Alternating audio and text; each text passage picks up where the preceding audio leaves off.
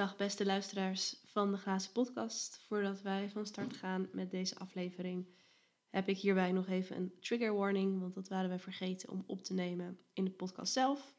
Tijdens deze podcast gaan we het hebben over geschreven content, over moord op vrouwen, geweld tegen vrouwen en verkrachting van vrouwen.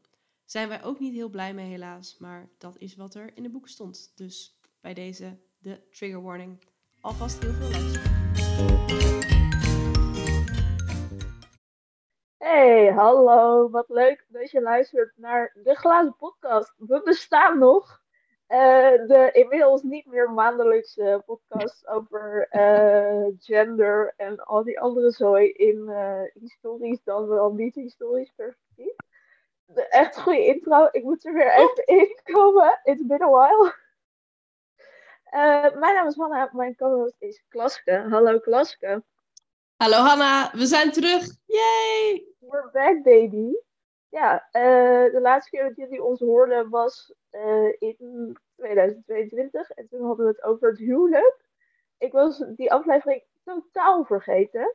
Ik wist alleen nog onze leuke zomerquiz. Maar we hebben het ondertussen ook nog over het huwelijk gehad. Um, maar Klaske, waar gaan we het vandaag over hebben? We gaan het vandaag hebben over een onderwerp wat gelukkig misschien wat minder heftig en pijnlijk is dan veel andere onderwerpen die we hebben besproken, maar ons toch na aan het hart gaat als literatuurfans. Namelijk uh, Men Writing Women. Heyo. Wel, mannen schrijven vrouwen, wat toch gek klinkt in het Nederlands. Maar ja, alles klinkt gek in het Nederlands. Mannen die vrouwen schrijven? Mannen die vrouwen schrijven, het klinkt goed. wat, maar voor, wat, wat, wat is het precies, Hanna, voordat we uh, erin duiken? We moeten definiëren. Wat, wat, wat? Uh, ja, nou ja, uh, er is... Um, men writing women is een vrij breed begrip, want het kan natuurlijk hartstikke prima leuk. maar vooral op het internet um, is, kan je veel voorbeelden vinden van men writing women women. Women. Women. uh, mannen die vrouwen schrijven. Uh, waaruit blijkt dat die mannen toch. Uh, nou ja, ik gok dan nog nooit een vrouw in het wild zijn tegengekomen. want die schrijven dan over dingen dat ze. Ja, ik voelde aan mijn borsten dat, dat er regen aankwam of zo. Nou. altijd met de borsten. Dat is zo'n thema ja, wat veel gaat terugkomen vandaag. Altijd de borsten.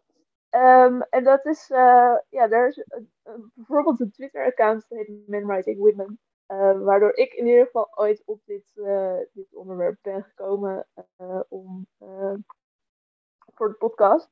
Maar wat breder dan dat, denk ik dat überhaupt mannen die vrouwen schrijven. Want het is niet alleen maar rare booby en vagina quotes. Er is een, een heel breed scala aan onderwerpen binnen de mannelijke schrijvers. Waar we het Zeker. En dat is ook, uh, ik heb ook een aantal mooie quotes voorbereid om je vingers bij af te likken. Dat heeft Hanna natuurlijk ook gedaan. En um, dat scala, ja. Dat... Fair enough. That sounds about right, want ik vond het zelf. We, gaan, we gaan een beetje lachen vandaag. Dat is goed, weet je. Lachen is gezond. Dat hoort erbij, want sommige zijn gewoon objectief grappig. Maar ik merk ook wel dat er een, wat donkerder randje aan zit. Want sommige zijn gewoon downright creepy of heel erg objectificerend. En dan kan je denken, ja, oké, ja, die mensen kunnen gewoon niet zo goed schrijven, weten niet zoveel van vrouwen. Big deal. Maar ik vind dat dus best wel een big deal. En nou ja, goed, laten we daar zo meteen over hebben waarom dat zo is. En ik ben wel benieuwd, Hanna, um, om eerst even onze luisteraars een beetje een beeld te geven. Waar, hebben we het nou over als we het hebben over men writing women? Ten eerste, volg inderdaad het Twitter-account. Het is ook een subreddit. Het is zelfs de naam. Uh, Erg leuk. Heb jij, heb jij misschien een goed voorbeeld? Iets wat, het, wat, wat uh, samenvat hoe dit overkomt als een man een vrouw over een vrouw schrijft, maar misschien dat niet helemaal goed begrepen heeft? Uh, ja, in principe wel. Um heb even naar zeg maar, de boeken die ik uh, de afgelopen tijd heb gelezen gekeken. Want ik wil het dus niet alleen maar bij die hele extreme quotes houden. Uh, ik moet zeggen, ik ben wel echt, als het op uh, de boeken die ik lees aankomt, ben ik vrij discriminatoire. Want ik hou niet zo van mannelijke schrijvers. Oh. Sommige van mijn favoriete schrijvers zijn wel man, maar vaak vind ik toch uh, boeken geschreven door mannen uh, lastig. Uh, ik noem bijvoorbeeld, dit was een boek dat ik laatst las, wat ook mijn passie voor dit onderwerp weer een beetje heeft aangewakkerd. Um, ik, ben, ik heb een quest om uit elk land ter wereld een boek te lezen, hartstikke leuk. Super cool. Doe even een shout-out naar je Insta trouwens.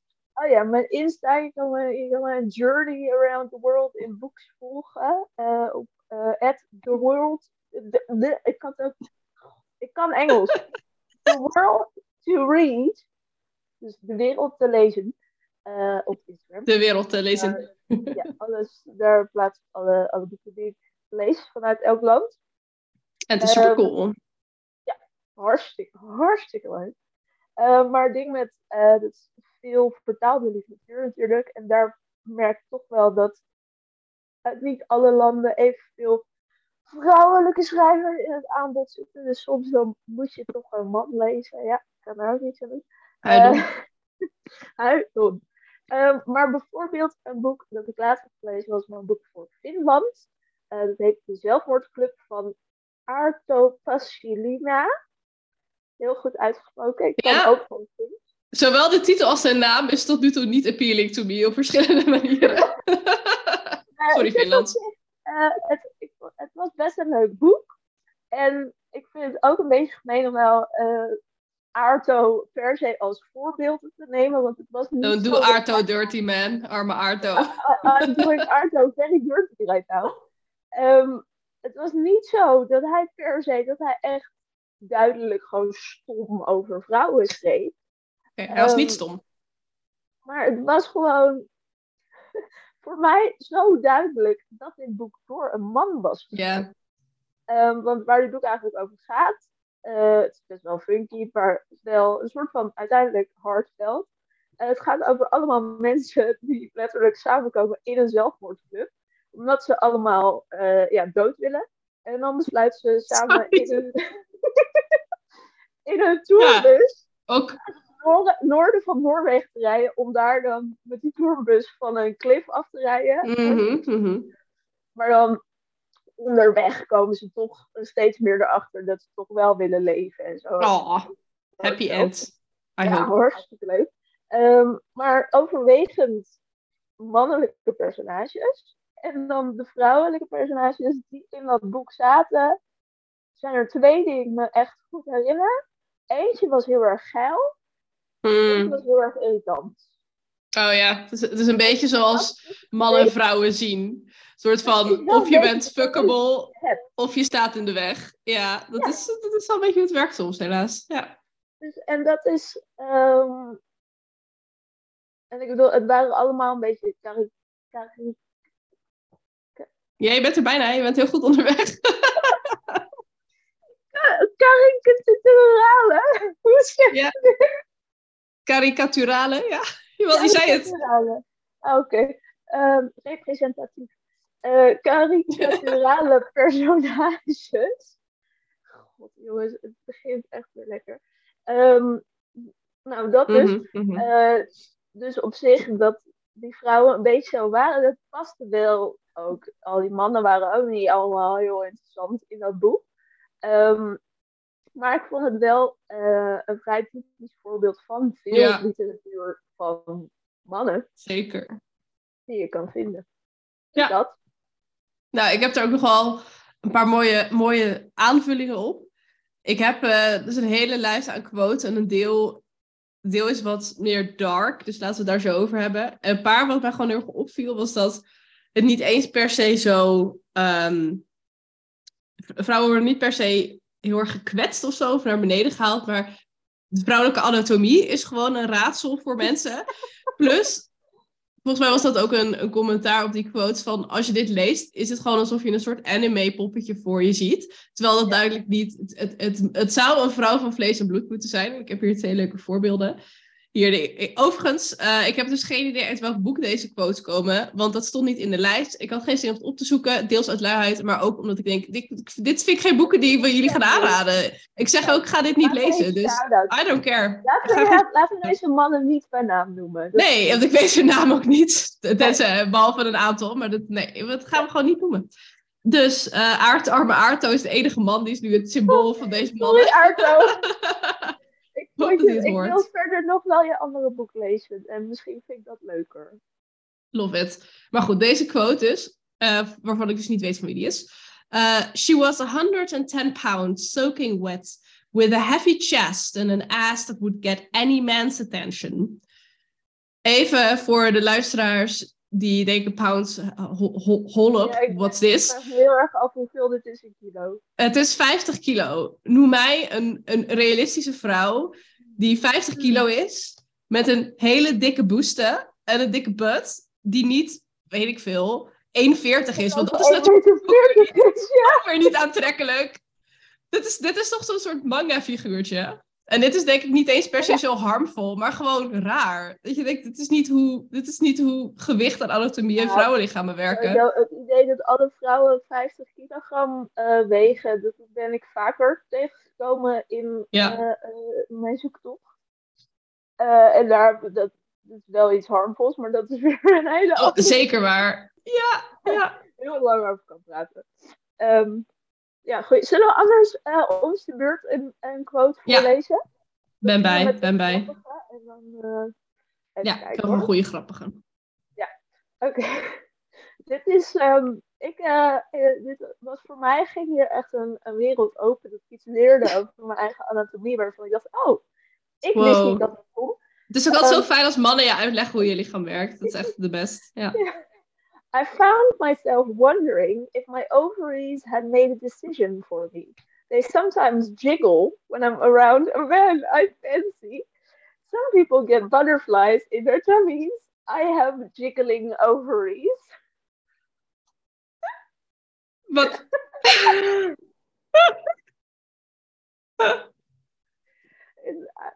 oh my god. Nee, bedankt. Allereerst.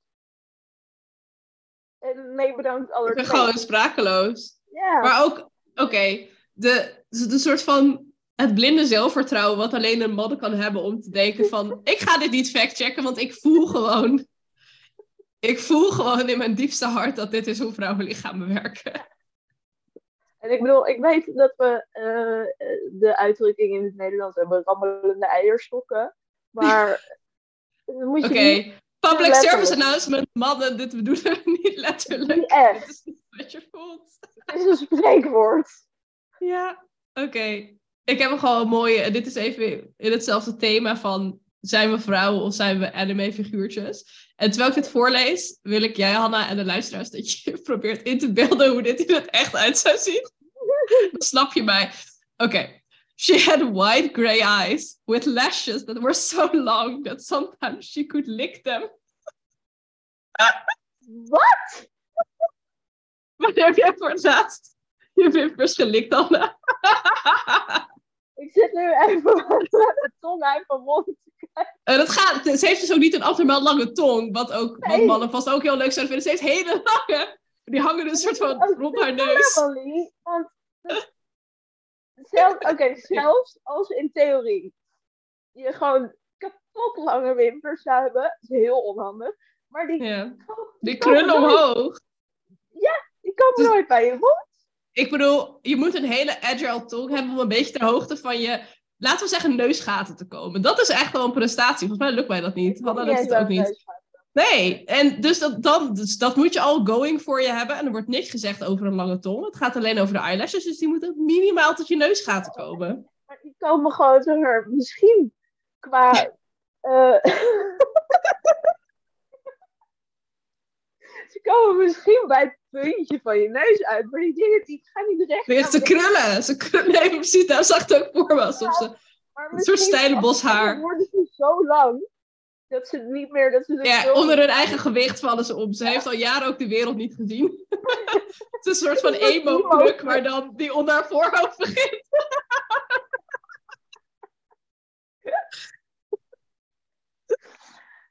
Mannen, bedankt. Bedankt hiervoor. En ook, oh ja, wat mij ook integreerde. Integreerde. Sometimes, sometimes she could lick them. When? Ja. Wat, zijn de, wat zijn de omstandigheden? Wanneer Ja, seks verder gaat. ogen dicht doet, is het nog moeilijker. stel je voor dat ze zo open dat ze helemaal gewoon. komen. Is een soort ruitenwisser.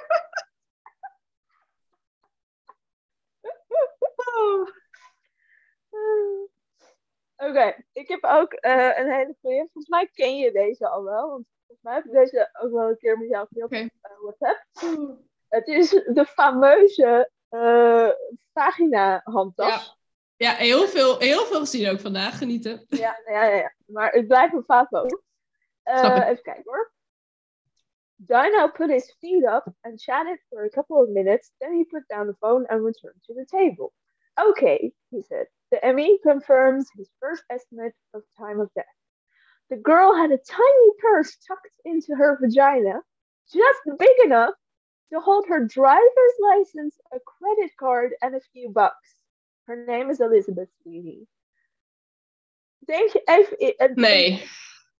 Een creditcard. Card. Dat is scherp.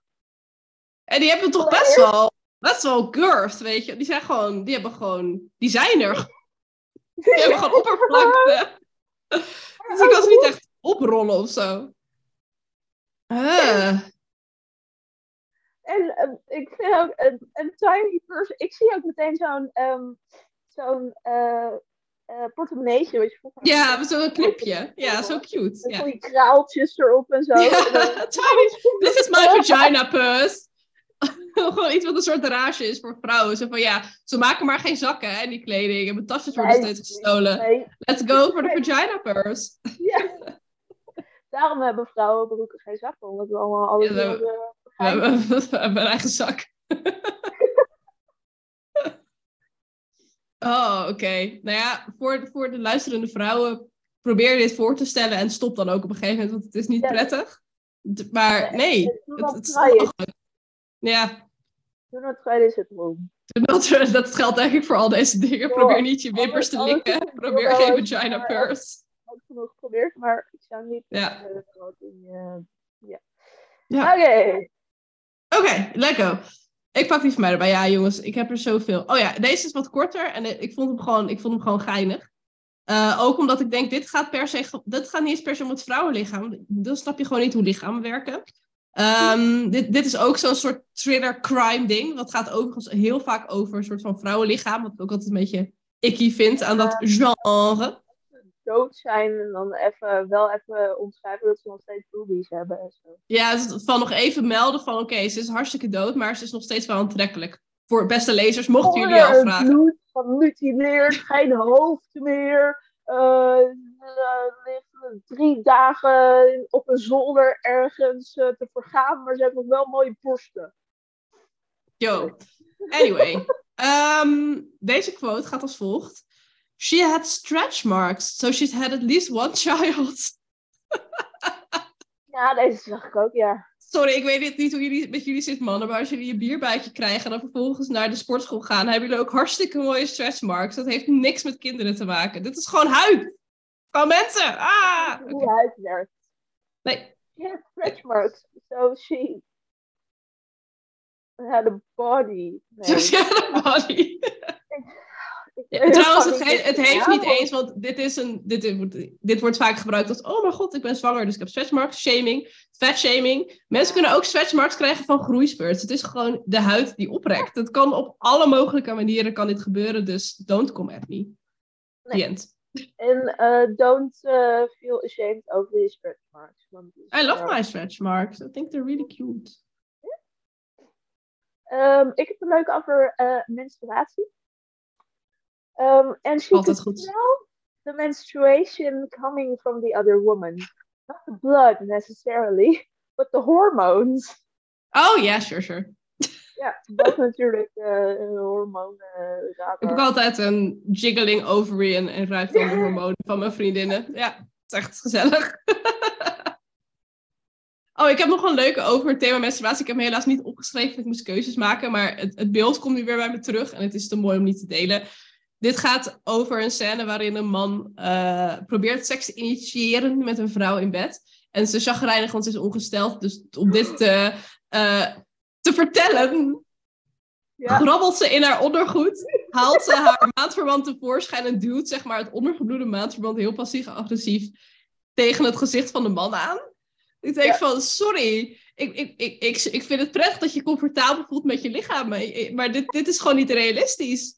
Maar ik vind ook de manier waarop het omschreven werd, was echt alsof ze gewoon, alsof ze het gewoon uit de vagina purse haalden, zeg maar. Ja. Um, maar, I have a tiny little purse.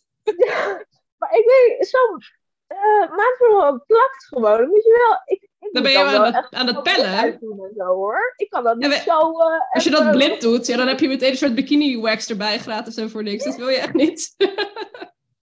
ja. Ja, dat is hem alweer. Dat iemand die nog nooit een uh, maandverband in het echt. En ook hoe hij het omschreef, was het ook een soort van iets van soaked of dripping. Alsof het gewoon een soort handdoekje was of zo, waar het bloed nee, uitdroogt. Dat is ook niet hoe pads werken. Ja, ja, ja. Ja, oké. Maar ik daag jullie allemaal uit als jullie denken: nee, dit is, dit, is, dit is altijd de manier waarop ik mijn bedpartner vertel dat ik ongesteld ben. Ik hoor graag van je. Ik hoor graag wie je bent. Uh, is, het, is het mijn beurt? Ja, dit telde als mijn beurt. Ik, heb het, ik heb het goed genoeg verteld. Het telt als een quote, vind Oké. Um, even kijken hoor. Ik weet, zullen we al naar, uh, naar wat naarder... Uh, ik heb, ja, wat ik heb, oké, wat ik heb, zometeen heb ik alleen nog maar na, naar, naar quotes. Um, maar ik heb nog één hele leuke boob Dus, dus misschien kunnen we daarmee afsluiten als een soort van mooi boeket. boeket. En dan, dan gaan we naar de dark stuff. Nou, wat ik heb opgeschreven, ik heb trouwens alles in het Engels opgeschreven, ook mijn aantekeningen, want zo ben ik gewoon. Dat, dat is gewoon het leven. Ik, ik, ik was in het lezen het Engels. Maar wat ik had opgeschreven was. Why do so many men think that we have full control of our boobs movements? En om dit even. Oh ja, of dat our boobs een volledig uh, gescheiden emotioneel leven hebben. dat gebeurt ook heel vaak. ja, uh, ik voel allemaal boobies dat het gaat regenen en zo. Ja, kijk nou, de, de, de emoties op deze boobs. Ik zal hem even voorlezen. Dit is een collage. Um, Noelle rolls her eyes. I think, I think her breasts roll in sync with them.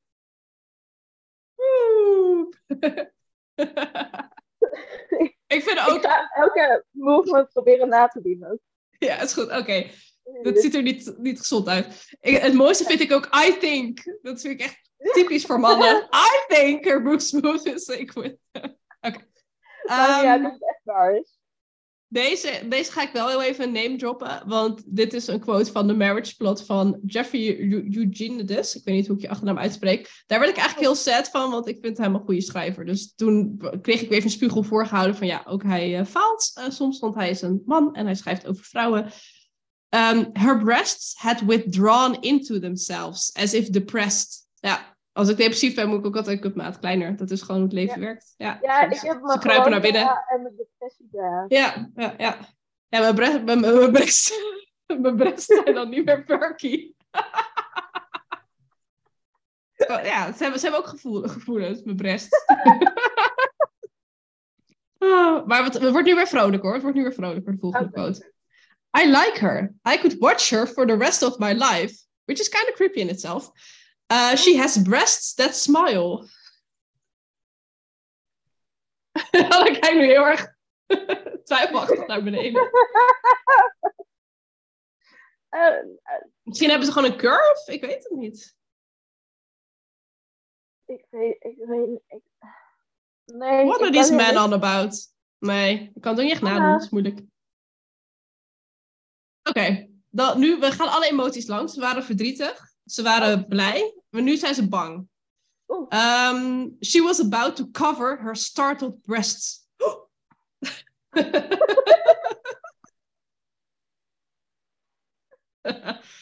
maar als je denkt dat borsten alleen simpele emoties kunnen voelen, heb je het mis, oh. Hanna. Ze hebben een rijk oh. innerlijk gevoelsleven. Because her breasts pulsed with resentment.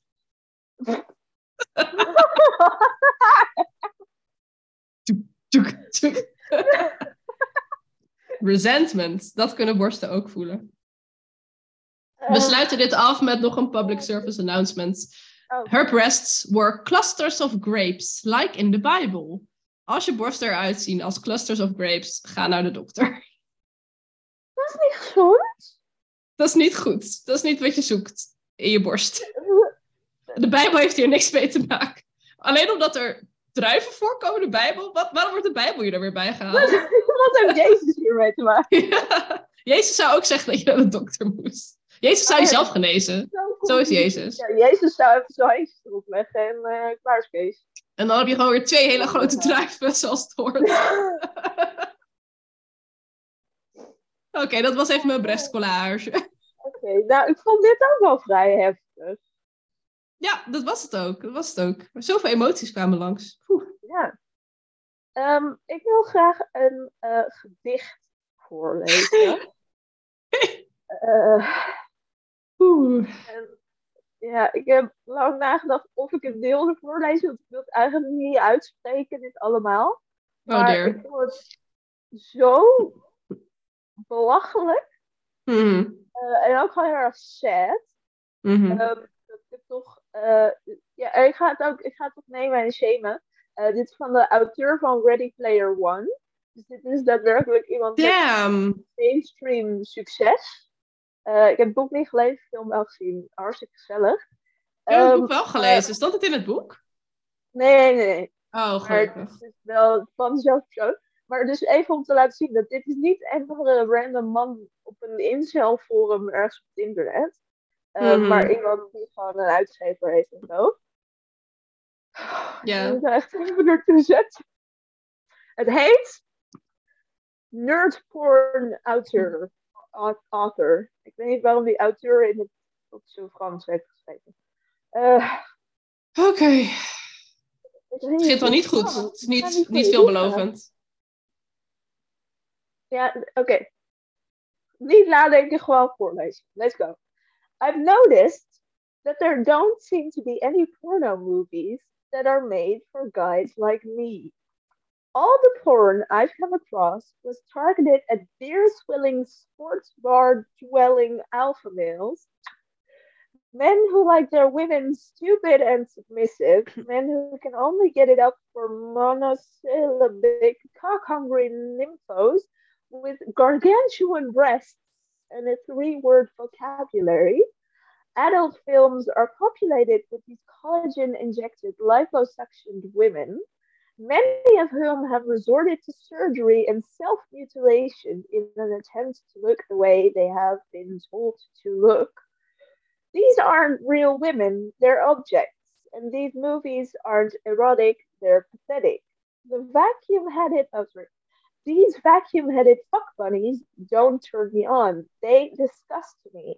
And it's not that I'm against pornography. I mean, I'm a guy, and guys need porn. Fact. Like a preacher needs pain, like a needle needs a vein. Guys need porn. Hold up. So, so much to unpack here. Oef.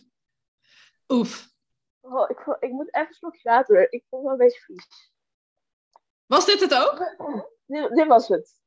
Het heeft ook helemaal geen... Het is ook helemaal geen goed verhaal. Ik dacht, hij bouwt daar iets op, maar hij is gewoon aan het... Nee! Hij is gewoon aan het Ja, shamen. hij bouwt op naar, naar mannen hebben porno nodig. Wat ik, allereerst vind ik dit offensive voor, voor mannen ook gewoon. Van, oh ja, je kunt alleen maar met onze piemel nadenken hoor, mannen hebben porno nodig. Ten tweede vind ik het echt heel fascinerend hoe dit een soort van, oh ja, ik ben niet zoals alle andere mannen, ik wil niet. eh, Er zitten een soort van nice guy tintjes in. Echt oh. heel erg. Het is gewoon giving zo'n... Such a nice guy. Ja, ja. Maar het is een soort van. Ja, ik wil geen eh, porno waarin eh, vrouwen eh, een object zijn. Want dat vind ik echt vies. Maar Want, al, want ik vind al die vrouwen kut. Ook echt. ondertussen gaat het dus niet om de, de male gaze in die porno. Maar eeuw, jij hebt neptieten. Hoer. Het is een soort van... Hij, hij, hij scheert soort van langs the right message. En het takes a hard, hard left. het is ook het is ook, hij is ook het slachtoffer. Het is niet deze vrouwen worden geëxploiteerd, maar oh, deze porno is gemaakt voor andere mannen. Niet zeg maar de precious little bunny that I am. Oh, en ook alle vrouwen zijn white uitzien. Uh, What the fuck? Ik vond zo'n porno die ik leuk vind. Oh, ik vond zo'n boek echt heel leuk. Nu ben ik verdrietig. Maar ook gewoon... Nou ja, dus ik ik vond het dus heel uh, intens om sommige van deze bewoordingen voor vrouwen te moeten voorlezen. Maar de, de, uh, het gemak waarmee mannen dit soort woorden ja. gebruiken, gewoon in hun tekst. Ja, uh, dat zegt ook wel iets. Ook dat ze er jarenlang, decennia lang mee zijn weggekomen. En ja, er was geen outrage. Andere grievance die ik met Ready Player One heb, maar dat heeft hopelijk niet met de schrijver te maken, is het feit dat zeg maar de de love interest in het boek was heel lang een ding van, oh, wie is ze? Oh, ze verhield haar identiteit. En toen bleek haar identiteit, haar grote flaws te zijn dat ze een wijnvlek op haar gezicht had en curvy was. Ik bedoel, ja. Ja. dat vind ik trouwens wel een beetje ikkie. Ik bedoel, in het boek gaf hij niet aan van de schrijver vindt dat repulsive, maar zij vond het zelf overduidelijk wel, waarvan ik ook wel weer denk van, nou. En vervolgens was er de film en had ze een soort van een small sprinkling. Een moedervlekje. Een small dusting. En was het gewoon, was het gewoon een skinny chick zoals, zoals Hollywood. Misschien was ze zeg maar mager en niet uitgehongerd. Was, was dat zeg maar de... Ja, ja, ja dat was wel, uh, dat was wel een natuurlijk. Ja. Dus uh, ja, fuck you. Uh, alles wat hierbij hoort. Oké, ja, oh ja, we, waren meer naar de dark, de dark side aan het gaan. Nou, daar heb ik er ook helaas wel een paar van. Oh, poeh. Ja, we moeten trouwens, misschien moeten we dat zo nog even los opnemen. Even echt wel even een trigger warning aan het begin doen, want dat hebben we niet gezegd. Maar dat, dat, is, wel, dat is wel, als ik zie wat ik nu uh, Trigger warning? Nou ja, vanaf nu trigger warning. Nou ja, voordat, nee, laten we het... laten we het nee. Van, het had ook wel een trigger. Ga je de hit me like a train. Ja, laten we, laten we dat los opnemen en het, ja. Voorin doen. Um, we, we, bouwen het een beetje langzaam op. Ik heb twee quotes uit hetzelfde boek. Um, gelukkig weet ik dus niet welk boek het is. Ik zeg wel, ga dit nooit lezen. Um, het is niet prettig. De eerste is nog vrij soort van mellow. Moet ik zeggen, helaas zijn we hier aan gewend. Het gaat soort van over ja, general women shaming en body shaming.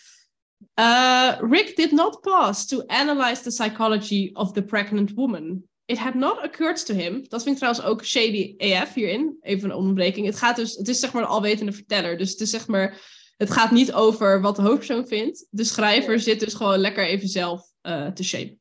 Uh, it had not occurred to him that pregnancy was a complete paradox. It was paradoxical in that only the females of the species could perform the amazing feat, while perhaps being less psychologically prepared for it than a man would have been. No woman enjoys the sight of sagging breasts and a bulging stomach, no matter how maternal her urge. A woman's good looks are a woman's good looks, and there is little good looking about a pregnant woman. Ja, dit is, dit is de meest oh, mellow quote van dit boek. oh my god. Sowieso wil ik even zeggen dat iedereen uh, die uh, human women females noemt echt uh, de... Oké, ja, je bent af. Ga gewoon maar weg. Ga, ga daar zeg maar het gat van de deur. Doei. Ja, dan ben je af. Ja. Maar echt zo uh, much to unpack hier ook. Het is een soort van algemene vrouwenhaat. Het is, mannen kunnen beter zwanger zijn dan vrouwen. Het is, vrouwen zijn zwanger, maar daar haten we ze eigenlijk ook voor, want dan worden we ze dik. En ook, women's good looks are women's good looks. Wat ook gewoon objectively bad writing. Oh, so much to unpack. Ik ben wel blij dat ze specifiek staten dat deze Rick er niks mee te maken heeft. Dat dit lekker niet zijn gedachten waren. Ik weet verder niet waarom hij in deze Not scène was. Um, volgens mij, ja, ja uh, Rick heeft er gelukkig niks mee te maken. Dat is... Uh, gelukkig maar. Ja. Uh, wil je nog de, tweede quote uit het boek die nog erger is, meteen er, erachteraan gooien? Laten we gewoon maar alles over ons heen laten komen. Let's get over, over with. Ja, maar eh, jou, jij. Oh. uh, Gaat supergoed. Maar even helemaal van apropos. Nou, ja, laat het maar gewoon. Ja, oké. ja. dit, is, dit, is, dit gaat over verkrachting, dus dit is helemaal Oh. gewoon kut. Heb je... Had dit even voorgelezen terwijl ik mijn oortjes aan het wisselen was. Ja, nee, ik heb jouw morele steun nodig. Ja, oké. Ehm, dit- dit staat overigens op dezelfde bladzijde, dus het is gewoon wie, hoe, ja, wie weet hoe dit boek er in zijn geheel uitziet. Maar ik, gelukkig ben ik er niet achter gekomen. Good lord. Um, even after Rick explained that Miss Hammond hadn't been dressed flashily at all, and still held to the theory that no woman gets raped or nearly raped unless she's looking for it. Echt een delightful boek. Ja, Dat is alles wat ik hierover te zeggen heb. ik vind het fijn dat ze weer, zeg maar, Rick the good guy is. Rick is een beetje de enige redeeming factor. Rick is, heeft heel erg Rick. specifiek niet die gedichten, gedichten, gedichten en gedachten over zwangere vrouwen. En Rick zegt, you, shoot, oké. Wat misschien ook weer een beetje victim shaming is, als hij zegt van, I oké, ze was niet sletterig gekleed. Maar baby steps, Rick, baby steps. You're getting there. Steps. Oh, Nou, Ja. speaking of rape. eh, The worst segue ever, yay. nee, oké, deze is wel iets minder erg, maar nog steeds. Dat je denkt, eh, wat? Ehm, he embraced her soft body in the smooth, smooth silk robe. Iris was no photographer's object like Delphine. She had the blurred, used figure of 39, but she was an attractive woman, woman, not a swinging chick. She yielded against him, inert, sagging, heavy. Don't you go raping me now, you unprincipled cad, she murmured. I'm dead to the world. It'll be, it'll be necrophilia. Um, heard it here first. Zodra je de, de 39 bent gepasseerd, heet het necrophilia. Is dat de reden dat ze het zegt? Ik dacht dat ze Ja. een soort van women without a past was of zo. Maar het Nee. is gewoon, ze is, ze is oud. Ze is, Ze is oud. oud, ze is saggy, ze is blurred, ze is used. Eh, Again, heavy. lovely images to describe a woman. Thanks Ja. for that. Ja, Ja. Leuk. oké. Ik heb er nog eentje in dit thema. Daarna, daarna is het klaar. Daarna is het klaar. Maar dat, Dus, ja, ik dat heb brengt me dan wel. Oké, dan doen we allebei nog één. En misschien is daar een goed discussiepunt wat dit, dit soort teksten doen in de wereld. En Ja. wat we daarvan moeten vinden. Ja. Ehm, deze is iets subtieler, maar ergens bijna meer icky daardoor. Oh god. She was staring directly at me, saying it like one of those college girls. I'm hot and cool and don't give a fuck, but was probably molested at some point in my Oh. teenage years. So I'm always in defense mode and attack others before they can attack me first. That kind of chick. You know the type. Yeah, you know the type. The, the, the, the chick that was that was molested and is there is therefore always on the defense. You know the type. That hot and cool college chick. Right, Hannah? I mean, you know the ik moet zeggen, eh, welke college chick is er niet een keer eh aangerand? In de We actually literally do know the type, sadly, yes. Ehm, ehm, En, Ja, en dit is gewoon een soort aside, weet je wel. Dit is gewoon een ja, soort precies. schrijving van iemand. En daarom vind ik het zo vreselijk. Oh, ik, vond, ik, ik dacht dat we het leuk gingen hebben deze We hebben het door- op een of andere manier is alles gewoon kut. van. Ja, dat snap ik. Oké, doe even die van jou en daarna kunnen Ja. we het analyseren. Eh, die van mij is ook een beetje vies. Ehm, en eh, dit is ook iets wat je wel vaker tegenkomt, namelijk mannen die het over minderjarige meisjes en of kinderen hebben en dan ineens heel raar gaan doen. Oh. Oké. Ehm, deze is nog. Nou goed. Hoor. We are constantly experimenting with our surroundings. How do our interactions change the way our bodies feel? Attend any two year old's birthday party and notice how little Kimberly will engage you, play with you, flirt with you without any need for language. Hmm. Dit Oké. is ehm, op zich is Oh dit een, een, een licht voorbeeld, maar mannen die seksualiteit toeschrijven aan minderjarige meisjes en kinderen is Yep. zo'n groot ding in de literatuur en het is Ja. Ja. Vies. Vies. Ja, en wat ik ook zo bizar vind, echt, echt zo'n proportioneel groot deel van wat wordt gezien als hè, hoogstaande literatuur, Oh zijn mannen die het hebben over meisjes. En daar gewoon boeken vol over schrijven. En ik weet nog dat ik voor mijn lijst moest lezen, dat ik toen al dacht, toen ik zelf like 15 was, van ik zou liever, ik word hier oncomfortabel van, maar Ja. ik zit in V5 en ik moet literatuur, wat men dan literatuur vindt, lezen voor mijn lijst, want ik moet letterlijk mijn diploma halen. Dus Ja. ik kom zo vaak dit soort schrijfsels over vrouwelijke lichamen, minderjarige vrouwelijke lichamen tegen onder de noemer literatuur. En ik wil echt niet een soort zedenpolitie zijn, maar het is, het is disproportioneel. Het is, het is zo bizar. Ik wil wel de zedenpolitie zijn, want het is allemaal verzonnen. Dus je kan het Oké, ook schrijven it. over een 26-jarige. Ze hoeft niet 16 te zijn. Dat heb je er zelf van gemaakt. Eens, Eh, ik heb eens, daar ook nog leuke eh, statistische feitjes trouwens. Over Oh, dat hoopte ik al. En zo. Ehm, Love it. Love Maar- it. Nou ja, misschien kunnen we dat zo bespreken en daarna onze eigen recommendations geven. Oké, wat, ik, wat ik heb opgeschreven even over het stukje why is it harmful? Want ik had allemaal quotes verzameld. Toen dacht ik, oké, het is ook gewoon, het is een beetje lachen, het is een beetje huilen, dit onderwerp. Maar het is ook, waarom hebben we het hier over? Het is tot nu toe voornamelijk huilen. Wat ik heb opgeschreven is, opgeschreven, ehm, it normalizes this kind of violence against women. Dat, daar had het over de, hè, dat the, ty- the type that is molested.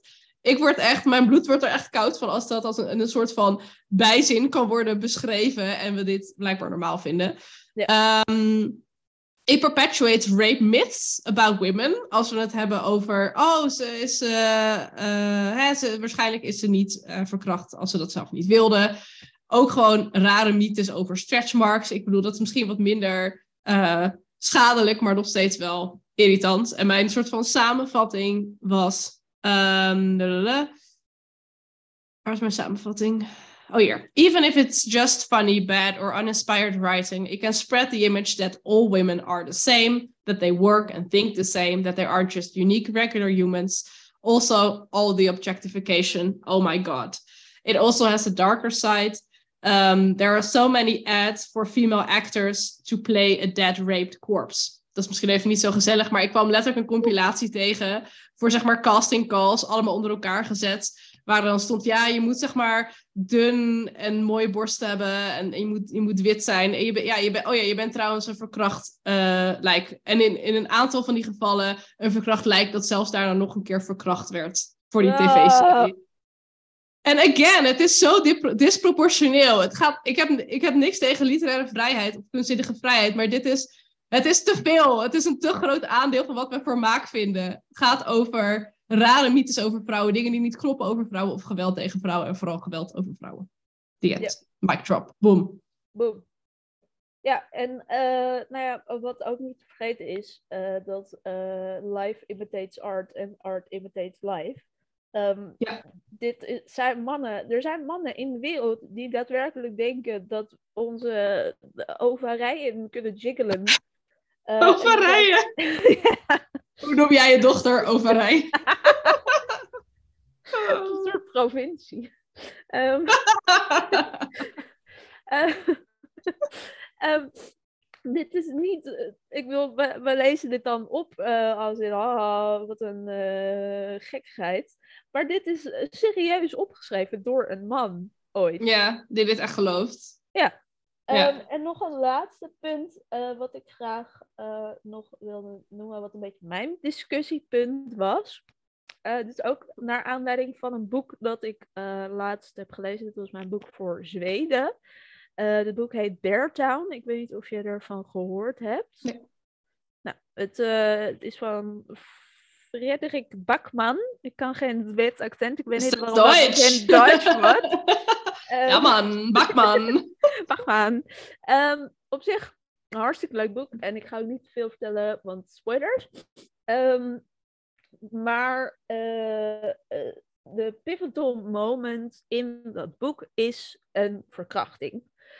Ehm, en eh, die verkrachting wordt gedaan door een eh, atleet op de middelbare school. En terwijl ik dit Ah. las, dacht ik, goh, dit is een verhaal dat ik heel vaak in het echt ben tegengekomen. Mhm. En wat ik dus heel lastig vond, ehm, want het was echt, ik, ik snapte zijn goede bedoelingen en alles aan het verhaal was, dit is slecht en, en die boy is slecht. En, hè? Het was niet zoals we net hebben gezien van, eh, nou, ze vroeg er zelf om. Maar wat ik nog steeds lastig hieraan vond, was dat ik dacht, ja, is dit het soort verhaal dat een man nu aan mij moet gaan vertellen? Waarom, Ja. waarom luister ik naar de stem van een man over eh, deze issue, dit issue, Ehm, terwijl dit gewoon iets is wat dagelijks een vrouw overkomt? Ja, Ehm, dus dat vond ik weer een, een andere kant eraan die ik ook wel interessant vond. het gaat niet alleen om wat ze schrijven, maar ook wie, wie schrijft het, waarom, Ja, eh, wat zit daarachter. Ja, dat en eh, ook een beetje, eens. wat kunnen ze wel? wat kun je wel? Nee, maar en wa- wa- wat, wat zouden mannen wel moeten schrijven in plaats van de hele tijd zo, zo raar over eh, vrouwen of juist hun best doen, maar dan eigenlijk eh, de plek van een vrouw, waar ook een vrouwenstem had kunnen klinken, eh innemen. Ja, eens. En- Nee, en ik zou het juist, ik ben dan weer heel nieuw- nieuwsgierig naar een perspectief vanuit een man, hoe het is om op te groeien als man. Wat voor eh, verwachtingen en stereotypes daarbij komen kijken. eh, de uitdagingen die dat met zich meebrengt. Ik, ik betrap mij wel eens op de gedachte dat, dat het mij vrij prettig lijkt om een man te zijn. Niet in elk aspect, maar ehm, vooral qua veiligheid lijkt me dat soms echt heel fijn. Dat ik niet op basis van dat enorme criterium. En dat heel veel plekken op de wereld voor mij afvallen. Of dat ik in ieder geval elke keer een soort hele actieve risicoanalyse moet doen. Ehm, maar ja, er zijn vast ook heel veel manieren waarop het heel irritant is om een man te zijn. Alleen juist ook vanwege het patriarchaat. Wat ook Hey. eh mannen kwetst. Weet ik daar gewoon niet heel veel van. Eh, hè, van. Ik kan me er wel een voorstelling van maken. Maar juist dat zou ik heel interessant vinden om daar meer over te lezen. Vanuit juist een mannelijk perspectief. Want daar kan ik allemaal dingen voor bedenken. Maar dat heb ik niet op die manier meegemaakt. Ja, precies. Dus eh, mannen, hier is een tip voor jullie. Als jullie minstens twee boeken willen verkopen, want dan wij, wij kopen er allebei eentje. eh, schrijf dan eens over het perspectief van een man. Maar eh, dan zeg maar, probeer je in te denken dat vrouwen ook gewoon mensen zijn. Begin daar. Begin daarbij. Ja. ja, nee, maar eh, mental health van mannen, eh, eh, hoe, hoe is het om een man te zijn? Hartstikke leuk. Niks meer. Waarschijnlijk is het hartstikke leuk om wat. What do I know? Ehm, zal ik nog een paar statistische feitjes even op je af? Ik kijk er al de hele dag naar uit, Hanna. Ja, precies. At Ik- me ik met de wist- cijfers. Ik kan niet achterblijven. Nee. Ehm, even kijken. Ik heb eh, een, eh, een onderzoek gelezen van Pointer van de KRO NCRV van vorig jaar volgens mij. Ehm, over bijvoorbeeld hoeveel eh, vrouwelijke versus mannelijke auteurs er op bestsellerlijsten eh, eh, ehm, verschijnen. Nou, eh, tussen eh, 2005 en 2020 komen er anderhalf keer zoveel mannelijke auteurs voor als vrouwelijke auteurs. Ook leuk, het Boekenweekgeschenk. Dat bestaat al sinds eh, ongeveer de jaren 30. Met eh, even pauze voor de oorlog en zo. Toen hadden ze geen tijd voor boekenweek. Alles, alles geen Ehm, boeken. Hadden ze geen boeken. Nou, nee, die waren allemaal verbrand. Ehm, Ja, of gestolen door de Duitsers. oh, waar, zijn, ver- waar zijn mijn boeken? Of gejat. Ik wil mijn Ja. boek terug. wil mijn boek en mijn fiets terug. Ehm, maar bijvoorbeeld eh, tussen 2000 en 2021. Oh, we doen een raadspelletje. Hoeveel Ja, quiz! vrouwelijke auteurs hebben er tussen 2000 en 2021 het Boekenweekgeschenk geschreven? Oké, nou, het is elk jaar, dat weet ik. Dus je hebt 21 slots. Ja. Het is vrij recent, dus je zou hopen dat er iets van emancipatie is. Ja. Ik weet volgens mij van Renate Dorpstein dat ze het heeft gedaan. En dat is, dat, zelfs dat weet ik niet eens zeker. En verder heb ik echt, ben ik echt blanco. Dus ik zeg zeven? niet slecht. Eh, Rena- Renate Dorstein was in de 90s, dus die telt hier niet Darn. mee. Ja. Ehm, maar het zijn er vijf. Eh, dit jaar zullen het er zes zijn, want in 2023 is Lise Spit aan de beurt.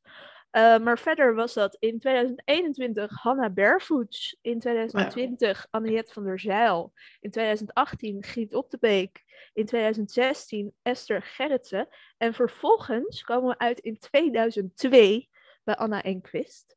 Dus tussen 2002 en 2016 heeft er nooit iemand gedacht van, goh, vragen we alleen maar mannen, Ja. hè? Want ik, wat mij ook opviel, dat het, het grootste aandeel ervan is heel recent, na bijvoorbeeld de MeToo-beweging en de Women's Marches in, in 16. Dus dat, dat zegt ook wel wat. Dat Ja. volgens mij ook een paar PR-teams zich toen even achter de oren gingen krabben. Maar het is natuurlijk, het is ergens goed dat er toen awareness is gekomen, maar het zegt ook wel wat dat dat ervoor nodig was. Precies. En eh, sowieso die periode tussen 2002 en 2016 was ook het langst dat er geen vrouwelijke eh boekenweekgeschenkschrijver is geweest. Eh, want het bestaat zo ongeveer sinds de jaren 30. Ehm, ongeveer 60 mannen hebben het boekenweekgeschenk eh, geschreven. Tegenover in totaal 18 vrouwen. Oké. Lekker. Ja. Ja. Ehm, en dan nog komen we bij eh, lezen voor de lijst. Hartstikke leuk. Ehm, ik heb hier de top 10 ranglijst van meest gelezen boeken op het HAVO en het VWO. Wat ik allereerst heel interessant vond. Volgens mij heb ik deze allemaal gelezen voor mijn lijst. Ik vond het heel Oh. intens dat er dus dat er echt niks veranderd is sinds wij tien jaar geleden eh, op de middelbare school zaten. Nummer 1. drumroll. Eh, Tim Krabbe, Het Gouden Ei. Nummer Oh, op. 2. Harry Mulisch, De Aanslag. Nummer 3. Onbekend, Karel en de Elegast. Nummer 4. Herman Koch, Het Diner. Nummer 5. Nee, joh, steeds. Hersenschimmen. Nummer 6. Willem Frederik Hermans, De Donkere Kamer van de kamer van Damocles. Damocles. Ja, ik heb het ook allemaal gelezen. Nummer 7. Willem van de Vos Rijnaarden. Nummer 8. Multatuli. Max Havelaar. Nummer 9. Jan Wolkers. Turks Fruit. En op nummer 10. Een vrouw. Anniette van der Zijl. Sonny Boy. Let's go. Ehm, Oh, is dat zo Annette van der? We hebben weer wat geleerd. Nee, gewoon. Ik, had niet, ik, ken, ik ken die twee dingen los van elkaar. Ja. Maar ik had ze nog niet met elkaar in connectie gebracht. Oké, ja, cool. Leuk. Ehm, maar ja, dit is ook weer een, een, een, een totaal ander discussiepunt. Maar de manier waarop eh, Nederlands onderwijs op de middelbare school toch wel de liefde voor lezen kan eh, vermoorden, Ja, man. Is heftig. En ik vind het heel heftig dat het dus echt in de afgelopen tien jaar niks is Ja. veranderd. En dat al die kinderen gewoon alleen maar mannen te lezen krijgen en niemand dat een probleem vindt. Ik weet wel, nieuw verdienmodel als ik rijk wil worden. Schrijf ik een boek waar zeg maar literaire aspiraties vanaf spatten. Dus waarschijnlijk veel over minderjarige meisjes schrijven. Dat geef ik uit onder een mannelijk pseudoniem. En ik Ja. maak het ongeveer 40 bladzijden, zodat iedereen het wil lezen voor de lijst. Ik bedoel, dan dan ben je binnen. Dan Ja. ben je binnen. Een soort van een Ja, nieuw ja. gouden ei. Maar nog Ja. korter en nog literairder ga ik Ja. schrijven. Precies. Ja, Klaar, bam, let's go. niks aan doen. Let's go. Ja. Ik, eh, ik voorzie eh, jouw volgende boek. Ja, ja het, het, het hoeft me maar een paar avonden te kosten. Is Dus ik heb wat inspiratie van onze quotes nu, dus we zijn zo klaar. Het alleen maar Oh. een goed pseudoniem bedenken. Ja, Dat het, moet, het heel, langst. moet heel mannelijk klinken, dus daar ga ik wel even over nadenken. Ja. Nee, ik ga nu niet. Ik was echt heel serieus aan het nadenken. ja, ik was even aan het nadenken. Wat is nou echt een mannelijke naam? Maar die, wij doen niet aan. eh gender is een sociaal construct. Hanna oud. Nee, oud. niet oud, want Nee. oké, als je zegt, ik wil lezen, maar niet dit. wat, wat we net hebben besproken, dan zeg ik, ik geef je groot gelijk. Ja. Ehm, hebben wij nog wat, wat, wat boekentips geschreven door vrouwelijke schrijvers voor mensen die daar behoefte aan hebben? Zeker. Ga ik eerst of ga jij eerst? Ga jij, ga jij maar eerst. Oké. Ehm, ja, ik heb er twee. Ik kon niet kiezen. Ik en ook, zoals- oh my god. Oh my god. Oh my god. Oh. Ehm, en zoals het mij betaamt zijn ze ook eh, allebei buitenlands, want ik lees dus de wereld rond. Eh, de eerste is van mijn uh, allerfavoriete schrijver Mieko Kawakami. Dus een Japanse schrijfster. Op dit moment heeft zij drie boeken in het Engels vertaald. Ik ben op dit moment Heaven van haar aan het lezen. Die is heel intens en ik weet nog niet of ik hem aanraad. Want ik kan echt zeg mm. maar twee pagina's tegelijk lezen en dan moet ik even pauze. Uh, maar mijn allerfavoriete boek van haar is Breasts and Eggs. Um, wat dus ook over, over tetten gaat. Um, Hebben ze ook allemaal emoties en dan rennen ze weg en zijn ze nee? Funnily oh, enough niet. Um, maar het boek is eigenlijk uh, ja, ingedeeld in, in twee... Uh, twee delen. Een breast gedeelte en een eggs gedeelte. Um, mm. En het gaat heel erg over. Nou ja, het eerste uh, gedeelte gaat heel erg over um, de manier waarop uh, de maatschappij vrouwen ziet, de manier waarop de maatschappij borsten ziet.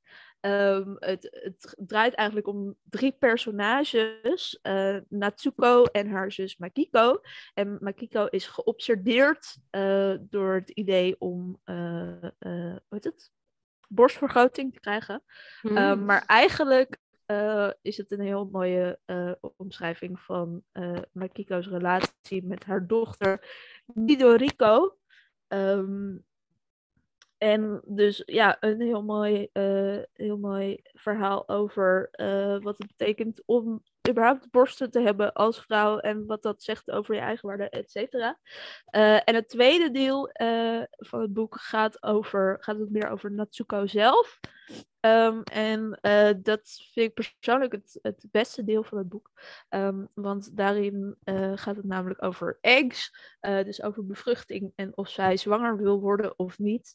en wat het betekent om kinderen te willen hebben of niet te willen hebben, of ze niet te kunnen hebben, um, met wie je ze hebt, of je ze in je, in je eentje kan hebben, of je ze mag adopteren of niet. Um, en hmm. uh, ja, het is een heel mooie exploration van de rol uh, van de vrouw in de maatschappij. Um, dus dat. Zal ik ook meteen mijn tweede noemen of wil jij nu eerst je, je eerste? Laten we het, laten we het omwisselen. Dat, vind, ik wel, dat vind ik wel leuk. Ja. Um, ik heb ook twee schrijfsters gedaan. Uh, ook buitenlands. Ik ben gewoon, ik, ik vibe niet helemaal met de Nederlandse literatuur. Um, tot groot, groot verdriet van mijn moeder. Het spijt me. Maar dat is hoe het leven is. Ik heb een uh, fictie en een non-fictie uh, nice. schrijfster uitgekozen. Ik begin met fictie. Um, dat is namelijk een Canadees. En het is, ik pak even mijn aantekening erbij. Uh, Emily St. John Mandel. En zij heeft Station 11 geschreven. Die inmiddels heel erg ah. bekend is als verhaal. Want het is ook een serie. Die overigens ook uh, wat, wat ik wel bijzonder vind, is ik vind het boek heel erg goed, maar ik vind de serie ook heel erg goed. En niet op zo'n manier dat ik denk van, oh, het wordt eigenlijk geen recht aan het boek, wat ik 99% van de tijd wel heb. Sterker nog, ik vind dat de serie een soort extra lager aan toevoegt. Dus ook de serie is ja, gewoon zeer aan te raden. Um, ja, ga het gewoon lezen, denk ik. Ik denk dat dat, uh, ik kan heel kort even vertellen, de premise is dat en het bizarre is, deze serie werd opgenomen tijdens de uh, COVID-uitbraak. Dus daarom heeft het ook vertraging opgelopen. En de premise is dat een virus een pandemie wordt. Maar het virus in het boek is, is iets, iets... Dat gebeurt toch nooit. Uh, de, is iets minder, minder mellow dan, dan corona. Want volgens mij heeft het een uh, 99% mortality rate. Dus een paar jaar later is ongeveer nog maar een handjevol mensen over. Is natuurlijk alle connectie met de buitenwereld verloren. En volgen we een, uh, eigenlijk een groep troubadours die uh, uh, het overleefd heeft. En samen die ze trekken met een karavaan van stronghold naar stronghold en voeren theaterstukken op. Het gaat eigenlijk ook over hoe, wat is het om mens te zijn in een wereld waarin eigenlijk bijna alles wat je menselijk maakt weg is. kan je nog menselijke relaties aangaan. Wat betekent dat dan? Uh, heeft kunst nog een ruimte daarin? En hè, wat gebeurt er als mensen te uh, zware overtuigingen hebben over hoe andere mensen moeten leven? Wat zeker in zo'n uh, fase natuurlijk veel voorkomt. Dus het heeft een beetje van alles. Dus ik zou zeggen, let's go and read it. Cool. En kijk Ik zou meteen aan mijn Goodreads toevoegen. Love it. Uh, mijn tweede keuze is uh, Kim Ji-young, born 1982, van Cho Nam-joo. Dat is een Koreaanse schrijfster. Ehm, en het gaat er eigenlijk over dat uh, Kim Ji-young is de meest voorkomende naam voor vrouwen die geboren zijn in 1982. Um, dus, nou ja, het is in dit boek, is zij een personage, maar eigenlijk is zij een soort van uh, de levensloop voor, voor ongeveer elke vrouw die in 1982 ah, geboren is. Uh, en zeker in Korea, het is nog een vrij, nou ja, zeker in de jaren 80, jaren 90, maar nu ook nog wel, is het een vrij conservatieve samenleving waarin genderrollen nog een heel groot, grote rol spelen. Um, en ja, het is een heel, heel mooi en ook wel sad verhaal over wat het, hoe het is om als vrouw op te groeien in een maatschappij waarin je toch vaak op de tweede plaats komt. En het is lekker kort. Oh, dat, dat is ook fijn. Dat is ook fijn. Yay. Interesting. Mijn allerlaatste aanrader is non-fictie. Het is een autobiografie. En het is het boek uh, Nowhere for Very Long van Brianna Media. Um, zij was oorspronkelijk bekend als een hashtag influencer. Um, zij, ze was een soort Instagram-persoonlijkheid.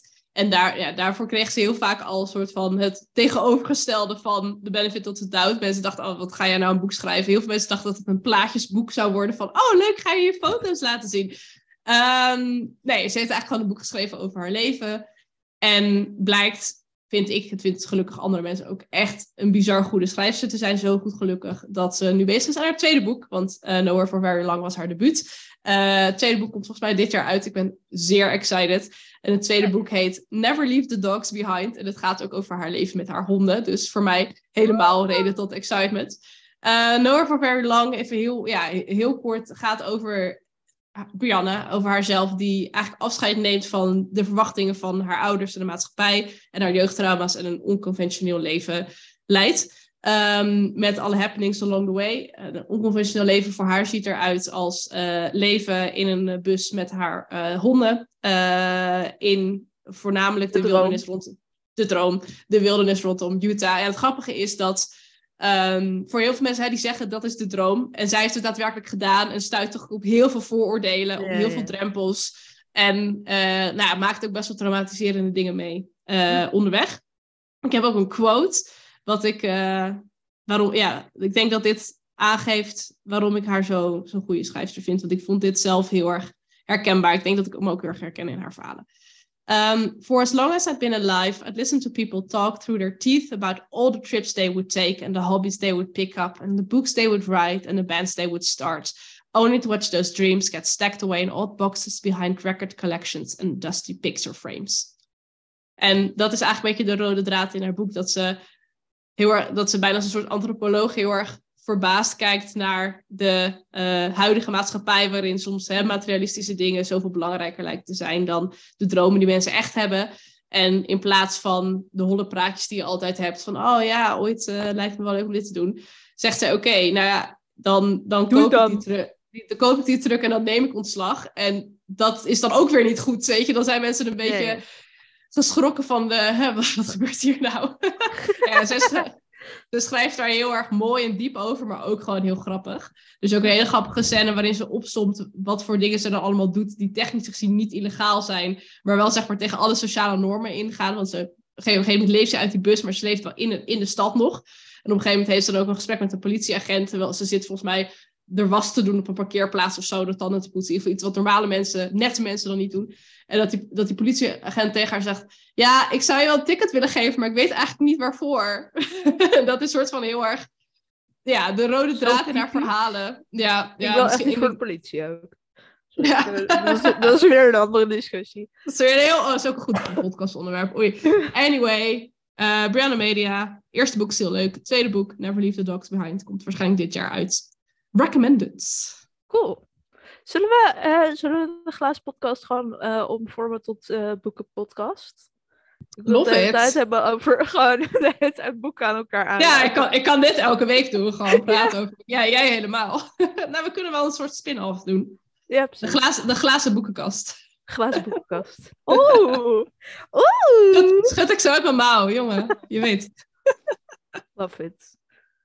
Nou, ja. uh, conclusie der aflevering. Mannen, doe beter je best. Mannen, denk nou over wat je wel kunt en schrijf daarover. Mannen, wat kun je wel? oh, nou, ik hoop dat we jullie hebben kunnen laten lachen. Helaas een beetje hebben laten huilen. Kunnen chockeren. Inspiratie hebben kunnen geven voor, voor nieuwe boeken. Ik, ik kan niet zeggen, we zijn er over een maand weer. Dat is gewoon niet hoe ons leven nu is. Maar misschien zijn we er binnenkort met een, met een boekenspecial. Of zijn we er binnenkort weer met een ander thema. As always, heb je ideeën voor thema's? Laat ons dat weten via de Instagram pagina. Glazen podcast. Dat is echt heel lang geleden. Volgens mij staat er geen dub bij. Ik, ik weet je vindt het wel. Jawel. Ja, als je, zeg maar, als je zoekt, dan podcast. kom je er. Uh, maar ik weet vrij zeker dat er geen de in zit. En ja. ik uh, zeg tot de volgende keer maar weer. Doei. Doei.